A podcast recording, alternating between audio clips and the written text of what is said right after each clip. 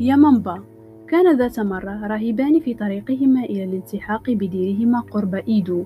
أخرهما عن المسير فلاحان زوج وزوجة طالبين منهما مباركة ابنهما الوليد ومنزلهما وقطيعهما شرب عندهما بدافع الكياسة والتعاطف كأسا أو كأسين من الساكي والآن أصبح عند طرف الغابة والليل بدأ يظلم لكن أحد الراهبين أعمى وكان صاحبه يقوده لا تخشى شيئا يا ضرير قال الراهب المبصر.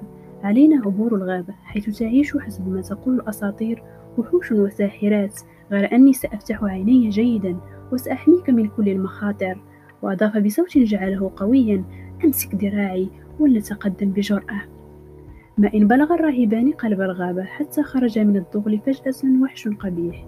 إنه يامامبا الساحرة العجوز الدرداء سيدة الغابات المخيفة كانت ضخمة ذات منخارين واسعين وأنف مسيخ وعينين محتنقتين بالدم تبدو فيهما زوابع من نار ولسانها الأحمر القرمزي يتدلى بطول قامتها وشعرها الأشيب المتسخ بتموج مع الريح وذراعاها طويلتان جدا ينتهيان بمخالب مقرفة وقدماها المتغطيتان بالشعر تضربان الأرض بغيد شديد.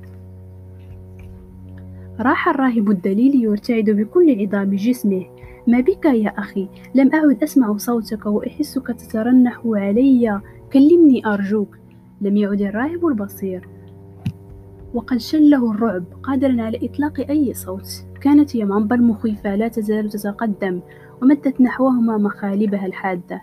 وأخذ احمرار عينيها يلتمع وفمها يتلوى بضحكات رهيبة. أشعر أنك لست على ما يرام قال الأعمى. لا أدري لماذا ولكن دعني أسندك وأقودك بدوري. استند علي.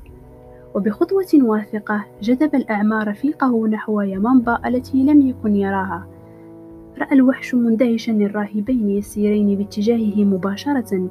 لم يظهرا أي خوف وبدأ أنهما غير مباليين بمنظره المرعب. مدت يمامبا عندئذ لسانها الأحمر الضخم واللزج خارج جوف فمها حتى وصل إلى قدميها الأشعرين وصعقتهما بنظرتها الملتهبة ثم بسطت مخالبها المهددة ولمتها كل ذلك دون جدوى. ظل الراهبان يتقدمان وقد أمسك الأعمى صاحبه بيد قوية. تلاشت يمامبا مقهورة في الجو واختفت. هذه الحكاية تجعلنا نفكر أي من الاثنين كان العاجز الحقيقي؟